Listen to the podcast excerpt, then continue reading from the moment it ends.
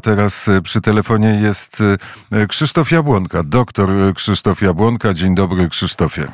Dzień dobry Krzysztofie, witam wszystkich słuchaczy o tak wczesnej porze. Słucham uprzejmie. Dla jednych wczesna, dla drugich już mniej wczesna, bo już jadą do pracy, do a może tak, niektórzy a może niektórzy z tej pracy e, nawet wracają. wracają. My wczoraj byliśmy w Radwanowicach, e, popatrzyłem na, e, na ten poczet sztandarowy, w którym byłeś, czyli Ormian polskich. To, to tak, tak, tak jest, że pożegnaliśmy księdza Tadeusza Isakowicza Zaleskiego. Twój związek z księdzem Tadeuszem był jaki? Jakie są refleksje po tych wczorajszych uroczystościach? E, no więc muszę powiedzieć, że wracając właśnie, e, poddaliśmy się takim refleksjom. Maciej Bohosiewicz, który kierował całym wyjazdem, no, przypomniał nam jego drogę ku ormiańskości. No i potem każdy z nas podchodził i krótko jakąś relację przekazywał, e, kiedy, jak, gdzie spotkał księdza Tadeusza. No i czy to spotkanie miało duże znaczenie, czy mniejsze.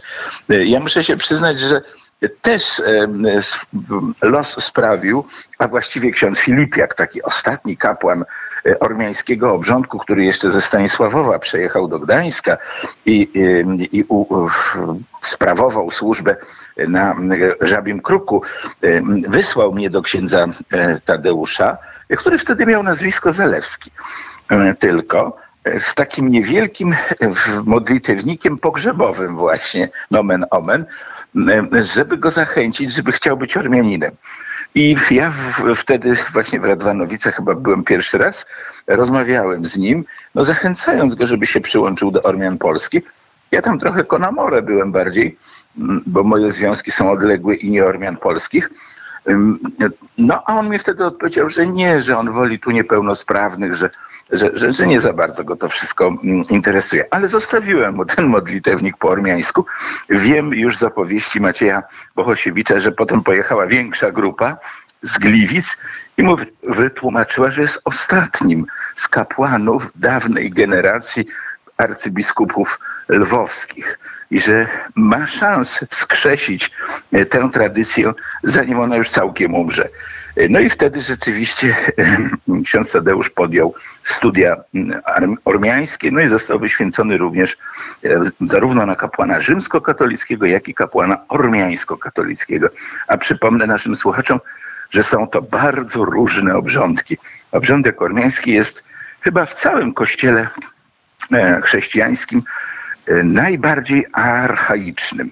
No może jeszcze Malula tam w, w, w Syrii, która, która się szczyci ciągłością apostolską, e, ale na pewno jako zorganizowany pełny kościół to czwarty wiek naszej ery i tam się nic nie zmienia od tej pory, jak Grzegorz Lusaworicz ochrzcił Ormian i e, Ormianie ustalili swój porządek mszy.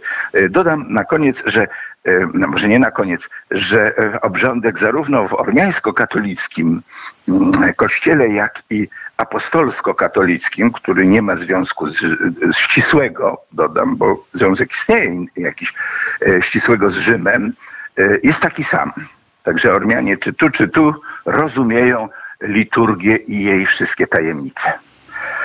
Natomiast Natomiast zdumiewa jedną rzecz, że no, pięknie nam się Tadzio rozwinął właśnie w tej ormiańskiej części. No, jego wygląd już sam był mm, mówiący sam za siebie taki w pełni, w pełni ormiański, to, to jest taki fenomen troszeczkę.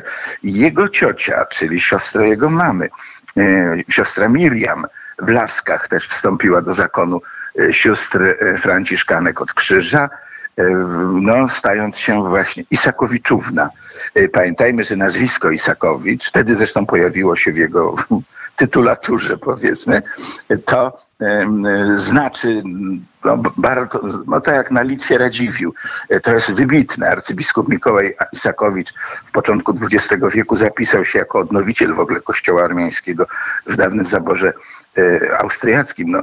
I e, kościół ormiański przy całej odmienności rytu, rytuału i języka był ostoją polskości, był ostoją świadomej polskości.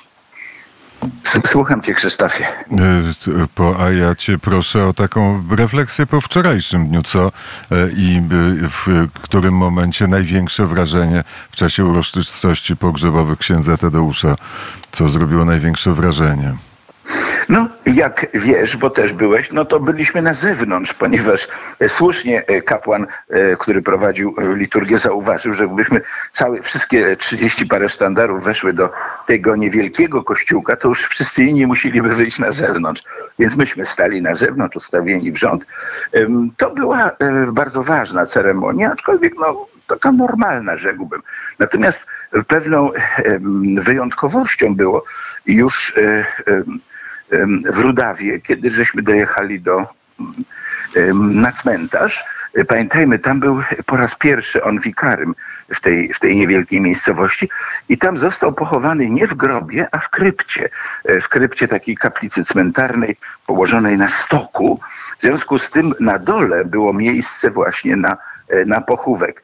No i pamiętam, że tam z trudem się przepychałem z tym sztandarem, e, już sam jeden gdzieś mi się akolici, że tak powiem, zgubili po drodze. No i przede mną był cały tłum delegacji z kwiatami. Oni się tam wszyscy dopychali, no więc już szans nie miałem, żeby chociaż oddać, oddać cześć Tadeuszowi e, naszym sztandarem. E, nagle się dowiedziałem, że kwiatów tu nie będzie, że kwiaty na górę, tam jest kaplica, tam proszę składać. Zresztą Tadeusz nie życzył sobie kwiatów, twierdził, że wszystkie te pieniądze proszę dać na e, biednych, no przede wszystkim na jego fundację brata Alberta. No i te, te całe poczty z kwiatami musiały zawrócić pod górę. I wtedy zrobiło się nieoczekiwanie dla mnie miejsce. Podszedłem, pochyliłem sztandar i wtedy wszyscy zaczęli śpiewać Jeszcze Polska nie zginęła. No, stary, całe cztery zwrotki wytrzymałem z tak pochylonym sztandarem, żeby później już w tłumie e, oddalić się, no, no, jak to mówią, do swoich, czyli do tych, z którymi przyjechałem i z którymi wróciłem z Radwanowic. Krzysztofie, bardzo serdecznie dziękuję za, ja za opowieść z Radwanowic, uroczystości pogrzebowych księdza Tadeusza Isakowicza Zaleskiego, a Krzysztofa Jabłonka we wtorki o godzinie 7.30, o 17.30 mogą tak. Państwo e, wspaniałych opowieści, bardzo ciekawych opowieści o tych narodach, które zostały zniewolone przez wieki, zniewalane przez Rosjan. Polecam.